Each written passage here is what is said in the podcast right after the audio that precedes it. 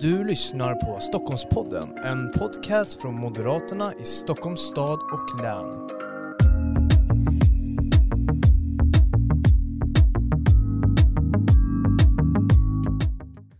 Varmt välkomna till ännu ett avsnitt av Stockholmspodden, specialavsnitten där vi pratar om de propositioner som vi har antagit på stämman, extra förbundsstämman som var här i höst.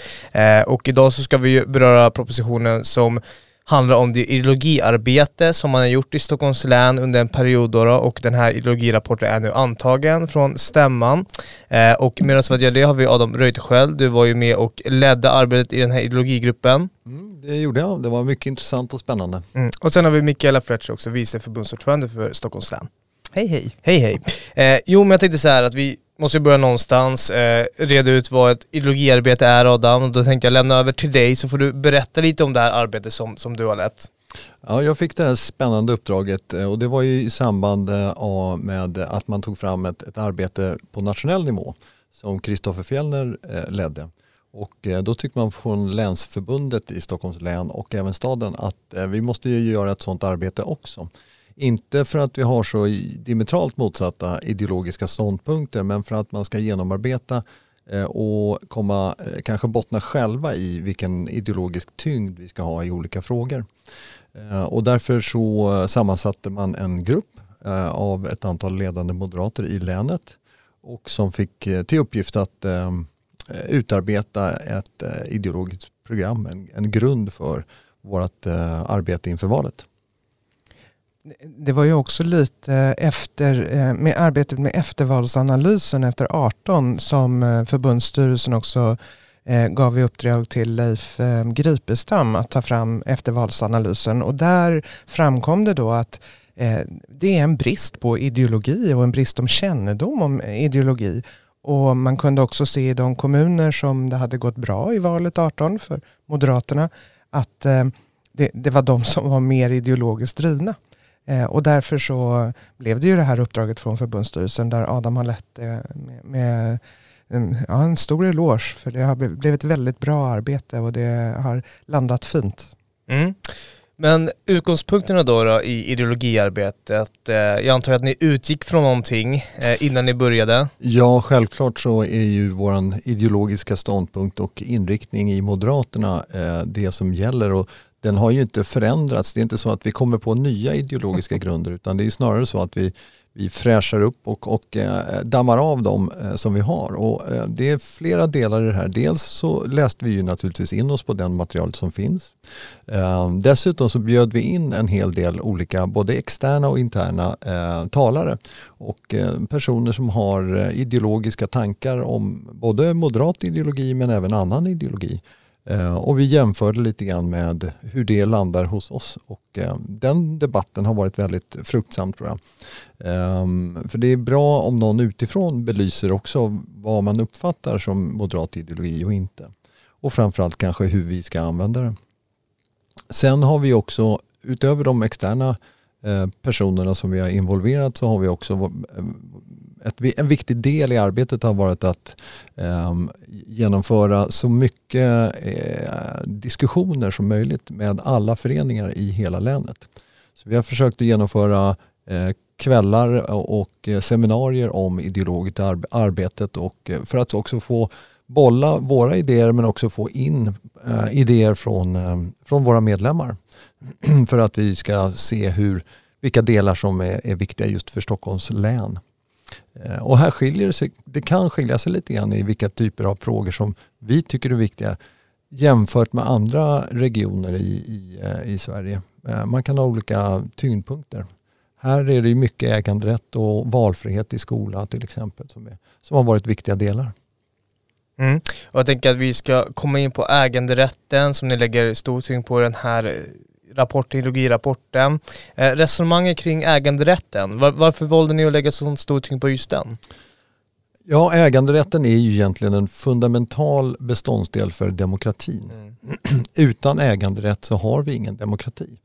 Eh, det, och, och, med äganderätten så är det inte bara, bara äganderätten om sin egen tomt eller sin egen fastighet. Eller, det är ju äganderätten till sin egen eh, egna tillhörigheter.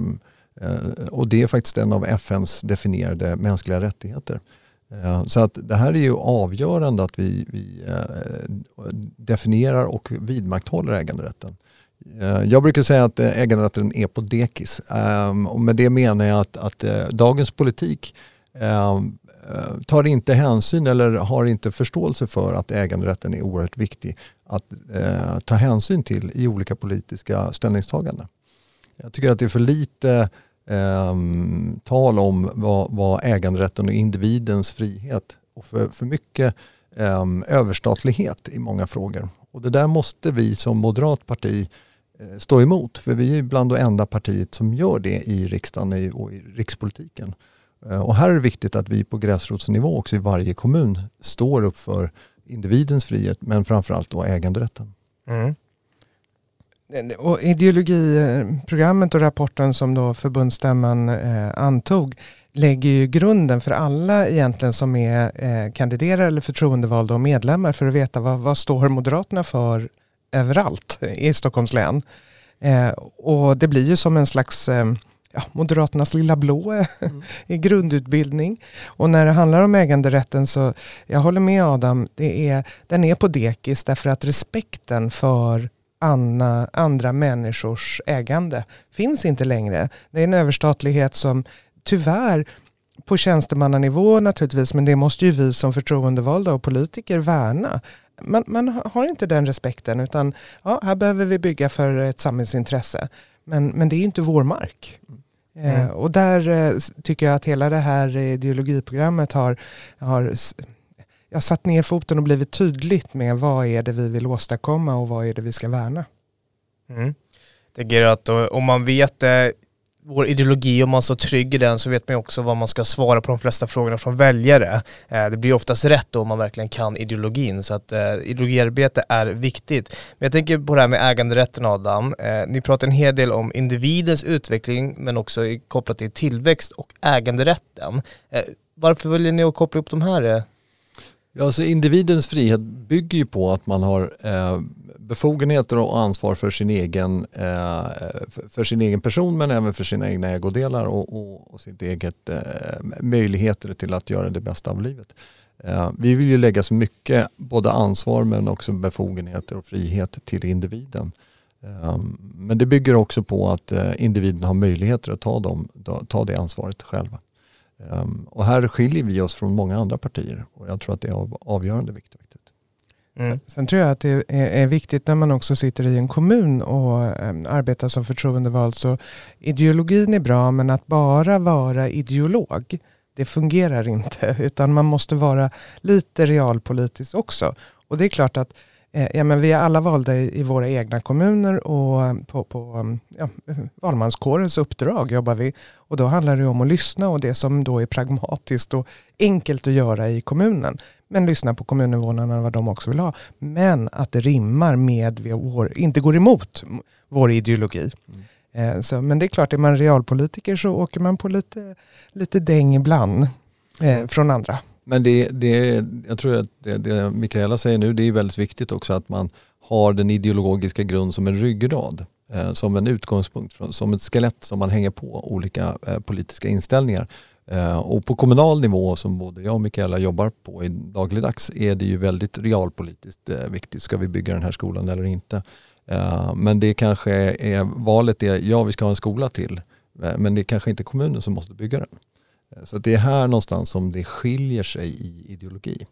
Ehm, och det är där man ska fundera på. Och även på kommunal nivå så märker vi ju det här med, med Problemet med äganderätten är ju också väldigt kopplat till de 450 plus myndigheter som vi har i Sverige och som driver eh, egna politiska agender som inte tar hänsyn till, till äganderätten. Och där är vi på kommunal nivå eh, måste vi eh, se till att, att värna våra medborgare, våra individer eh, gentemot eh, och tillsammans med ibland eh, myndigheter. Och det där tycker jag är, är väldigt viktigt att, att vi driver en politik och eh, hjälper våra medborgare i de frågorna. Mm. Då var det ju positivt att vi på stämman eh, också antog att vi ska lägga ner onödiga myndigheter så att de blir färre. Mm. Absolut, det är någonting som jag är helt för och jag tror att där, det är även styrningen av dem, alltså myndigheter behöver vi naturligtvis. Vi, vi, vi, skulle inte kunna fungera utan myndigheter men vi måste ha en urskiljning mellan mm. dels hur många vi ska ha, eh, är alla nyttiga, är alla, ger alla nytta för våra medborgare men även hur vi styr de myndigheterna. Eh, och där är till exempel äganderätten en väldigt viktig del i styrningen. Mm. Och styrningen är ju avgörande men vi tittar ju på dagliga exempel på hur en statlig myndighet får överpröva och överklaga en annan statlig myndighets beslut. Mm. Det finns ingen rim och reson och det här kostar bara pengar.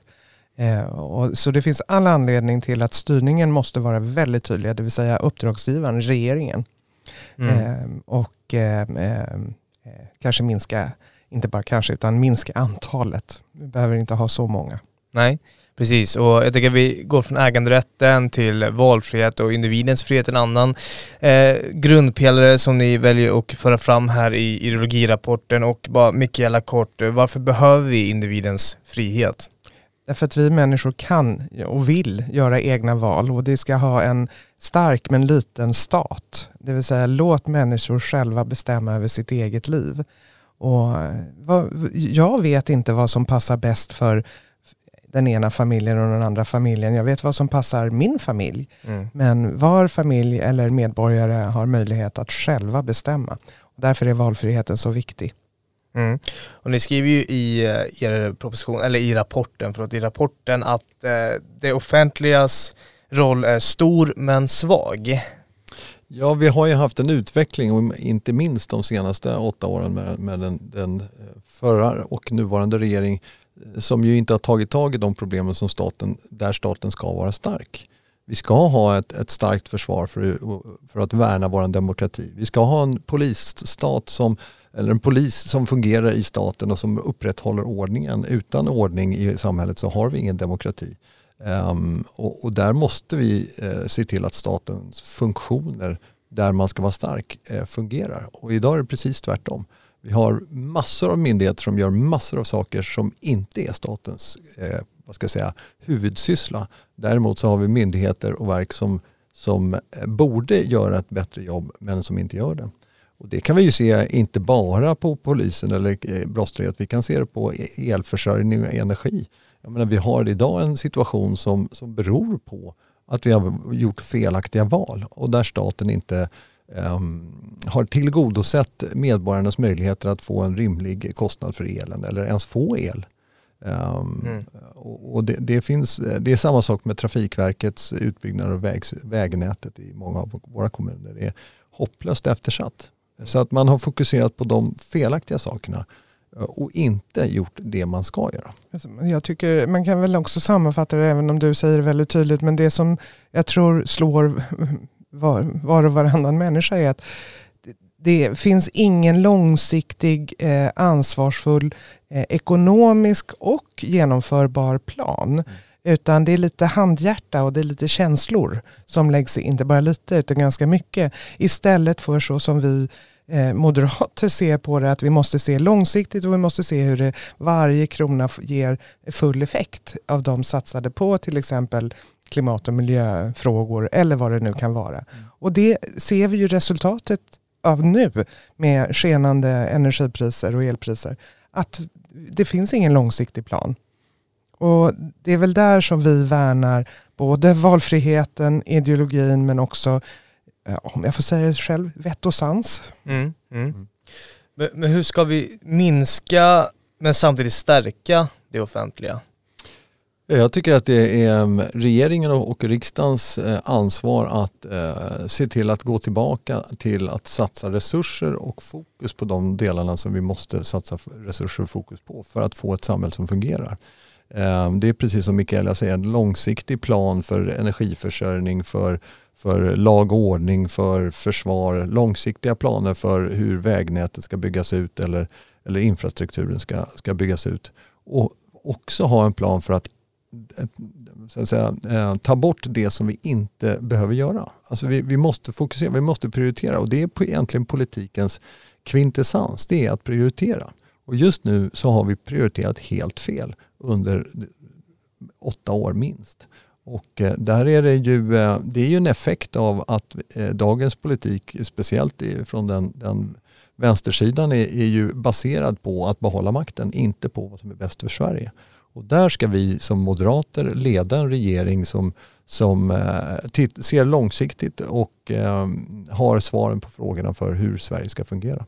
Mm. Och det är väl det som sammanfattar egentligen eh, de här senaste sju dryga åren. Det, eh, man upplever politik som lite bling-bling och glamour och här ska man tillfredsställa var och varannan människa. Det går inte. Vi kan inte lova allt åt alla. Vi måste eh, hålla det vi lovar men det måste också vara i en mycket, mycket mindre utsträckning. Och som Adam säger, vad är det vi kan sluta göra? Vad är, vad är det som är lullull? Vad är det som mm. inte staten behöver driva? Vad kan civilsamhället driva? Och, gör, och därmed göra staten stark men mycket mindre. Mm. Och det skulle ju i sin tur öka individens frihet. Eh, det är inte statens ansvar att bestämma exakt vad alla ska göra utan um, ju mindre staten gör ju mer möjligheter får, får individen att bestämma själv. Um, över sitt liv och vad man vill lägga pengar på och vad man vill prioritera. Och, och det är ju en del i moderat ideologi och politik med valfriheten och också ha fler ehm, fler utövare att välja på.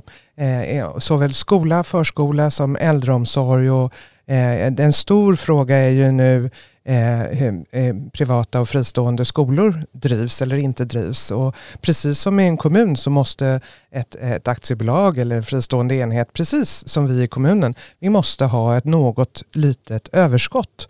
För har vi inte ett överskott så har vi ett underskott. Men när valfriheten kommer till, ja då är det ju kvalitet som spelar roll mm. och då måste ju jag som medborgare göra med ett informerat val. Vad vill jag ha mina barn? Vad vill jag att mina föräldrar, om inte de själva kan bestämma, ska finnas eh, på, på ett eh, äldreboende? Eller vad det kan vara. Och eh, då plötsligt så ökar ju min frihet. Ett, naturligtvis kommer det med ett stort ansvar också. Därför att man måste se till att själv informera sig. Men där kan vi som kommuner hjälpa till med att också tala om att så här ser det ut på den enheten och så här ser det ut på den skolan och här har man fler idrottstimmar eller här har man mer ja, dans eller mm. sång eller vad man kan ha. Mm. En annan sak vid sidan av frihet och valfrihet det är ju ansvar. Frihet och ansvar eh, menar ni går hand i hand. Eh, skulle du kunna utveckla lite det Adam?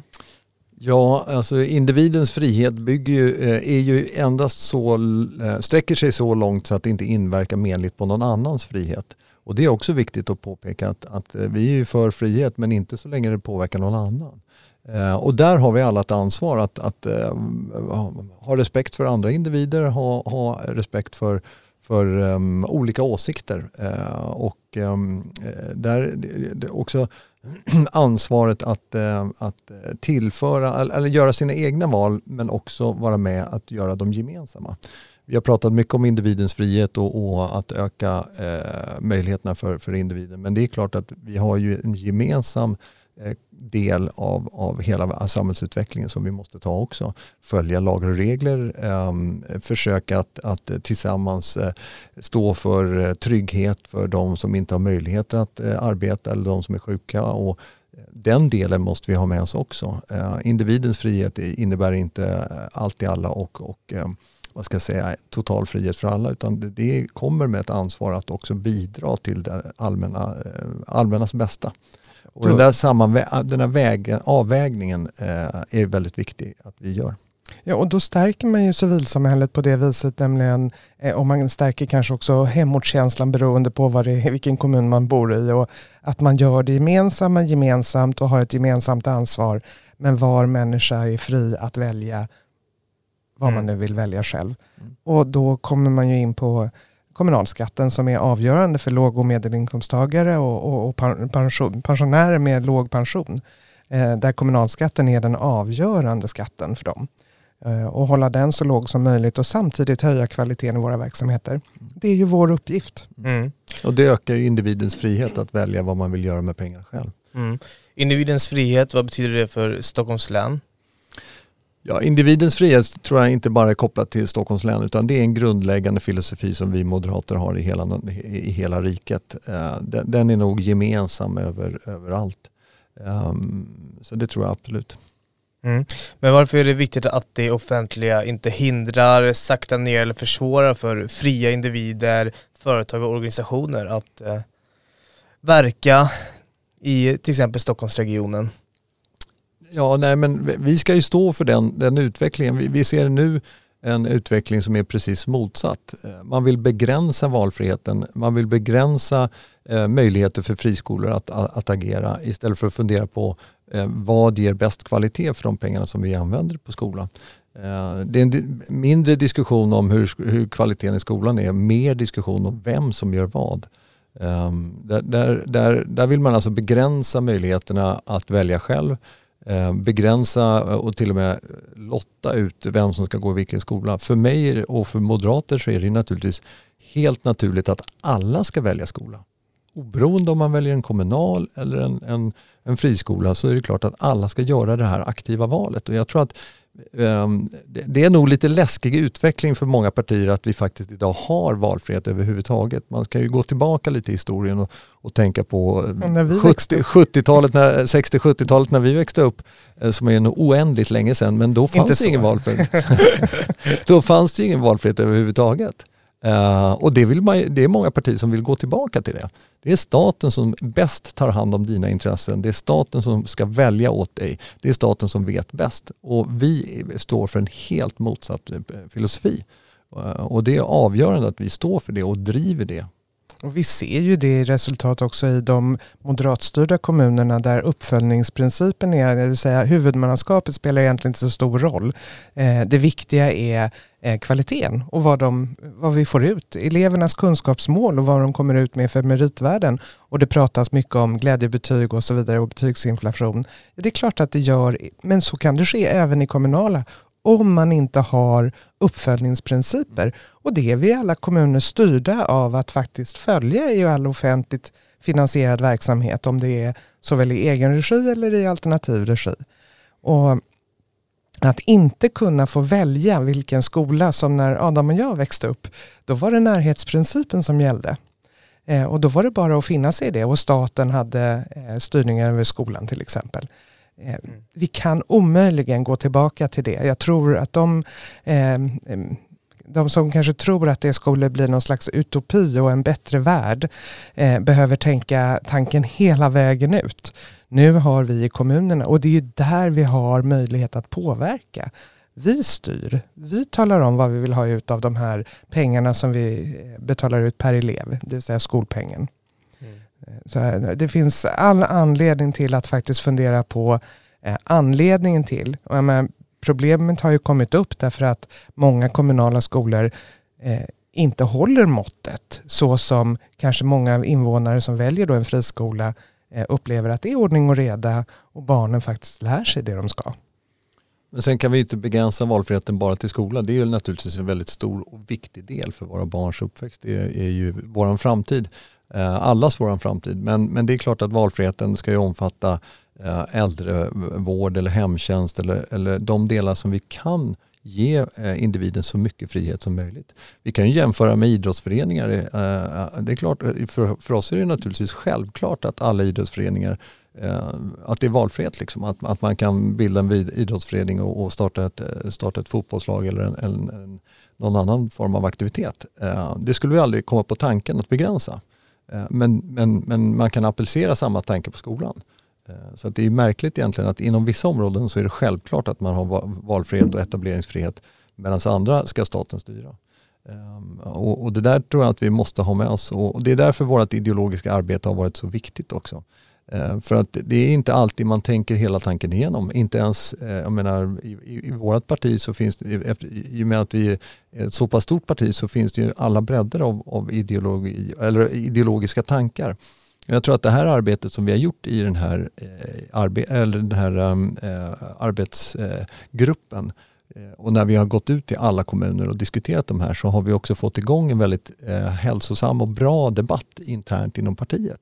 Mm. Det är sällan i, på kommunal nivå som vi diskuterar ideologi egentligen. Utan vi diskuterar, ska vi bygga det där eller ska vi, ska vi eh, ha den där skolan eller ska vi bygga den där vägen? Utan, eh, utan egentligen att tänka på, på vad, vad, vilken bas ska vi stå på när vi, när vi gör de här valen. Och det har varit en stor del i vårt arbete och jag tror att det speglar lite grann att det blev liksom ingen debatt på stämman heller.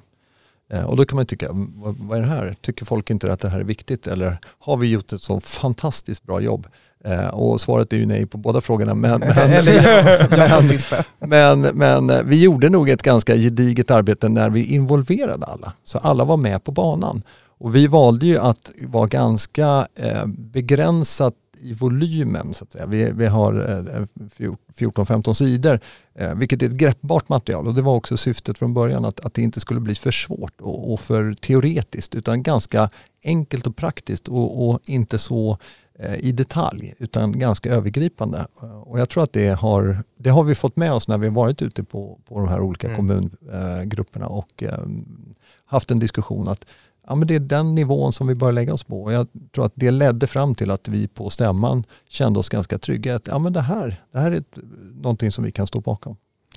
Det är som Adam säger, eh, förutsättningarna och framgången i eh, att det här programmet landade som i den omfattningen det landade också och antogs på stämman är ju för det grundarbete ni satte igång och den hälsosamma och sunda diskussion som då också startade i varje förening.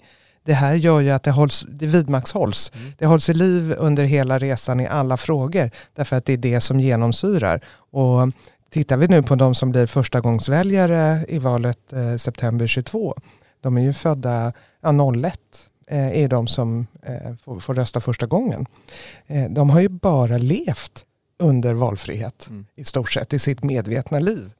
Och det här är ju mycket, mycket spännande med ungdomar men vi är ju faktiskt några som är dels några äldre än vad Adam och jag är, några som är i mitten och så några som är ytterligare lite yngre. Mm. Mm. Eh, och det här är hälsosamt för vårt parti överlag. Och där tror jag också um, um, den politiska utvecklingen nationellt har gjort också att vi moderater har större möjligheter att, att ta till oss vår egen ideologi. Förut så hade vi en allians där vi var tvungna att vara mer pragmatiska och mera förhandlingsinriktade för att få till stånd ett, ett regeringsunderlag. Och de var mycket duktiga, väldigt duktiga på det. Eh, och det är naturligtvis jätteviktigt att vi får ett regeringsunderlag. Men vi har fått en period nu eh, som en respit? Lite ja, en liten respit. Det, det, har inte varit helt igenom dåligt att, att hamna i opposition av den anledningen att då kan vi gå tillbaka och säga att vad är vi, vad står vi för? Bara Moderaterna. Eh, och sen eh, gnugga det mot andra partier. Så jag, mm. jag, tror att det har varit bra för oss eh, att ha den här tiden faktiskt. Mm. Hörrni, innan vi avslutar eh, återstår bara en fråga, det här med en hållbar framtid. Eh, ja, klimat, miljö och klimatfrågan är ju på ständigt agendan och kommer ju vara det framöver också. Eh, men det här med att eh, en hållbar framtid, inkräktar målet med en hållbar framtid på individens frihet eller kan man kombinera de här två? Eh, det är en fråga som många ställer sig eh, och som kommer bli mer och mer aktuellt framöver också. Men vad tänker du där Adam? Jag kan förstå den eh, eh, problemställningen, den problembilden. Jag håller inte med, men jag kan förstå att man tycker att ja, men det här är ett sånt ansvar som gäller hela globen och hela, hela, hela jordklotet. Så att här måste vi eh, stater och en överstatlighet styra allt. Men jag tror att det i grunden är, är att, att göra det för enkelt och jag tror att det är väldigt viktigt här att vi får att individerna själva får göra de här olika valen. Eh, och sen är det också väldigt viktigt att vi, när vi tittar på just miljö, klimat och naturpolitik, att vi särskiljer de tre olika begreppen eh, och pratar om, om, om eh, att separera dem i diskussionerna och att vi också gör det baserat på att vi individer tillsammans i ett samhälle ska, ska få det bättre och bättre. Och jag tror att de där står inte i konflikt med varandra utan snarare tvärtom. De är förutsättningar att alla individer är med på det här och att det fungerar. Vi ser ju idag resultat av miljö och klimatpolitik som havererar samhället och det, kan vi inte, det har vi inte heller råd med. Mm. Vi tror ju att det är teknik, utveckling och, och individens eh, förmåga att ta till sig de här delarna som är grunden för att vi ska lyckas. Och jag tror att vi i grunden har den bästa miljö och klimatpolitiken som tar hänsyn till andra faktorer, inte bara en enda sak. Det är så viktigt att man inte stryper kreativiteten och viljan att vilja göra rätt utan precis, det ska ju bygga på, på vetenskap. Det kan inte bygga på handhjärta och känsla för vad man är orolig för att nu kommer jorden gå under. Eh, om vi är väldigt tydliga med vetenskapen och faktiskt ser till att elever i skolan och vuxna får korrekt information. På så vis kan man också öka kreativiteten och då blir det ju inte så att staten ska, eller stater ska bestämma över alla. Vi har ju klimat och miljö känner ju ingen, även om de ska vara separata eh, diskussionsämnen, känner ju inga kommun eller landsgränser. Och då behöver vi utbilda eh, på faktiskt vetenskap och inte känsla. Mm. Hörrni, stort tack för att ni kom till Stockholmspodden för att prata om den här propositionen. Adam Rutsköld och Mikaela Fletcher. Tack, tack, så mycket. Tack så mycket för att vi fick komma. Om man vill läsa rapporten i sin helhet eller propositionen så kan man göra det på moderaterna.se Stockholm. Tack så mycket.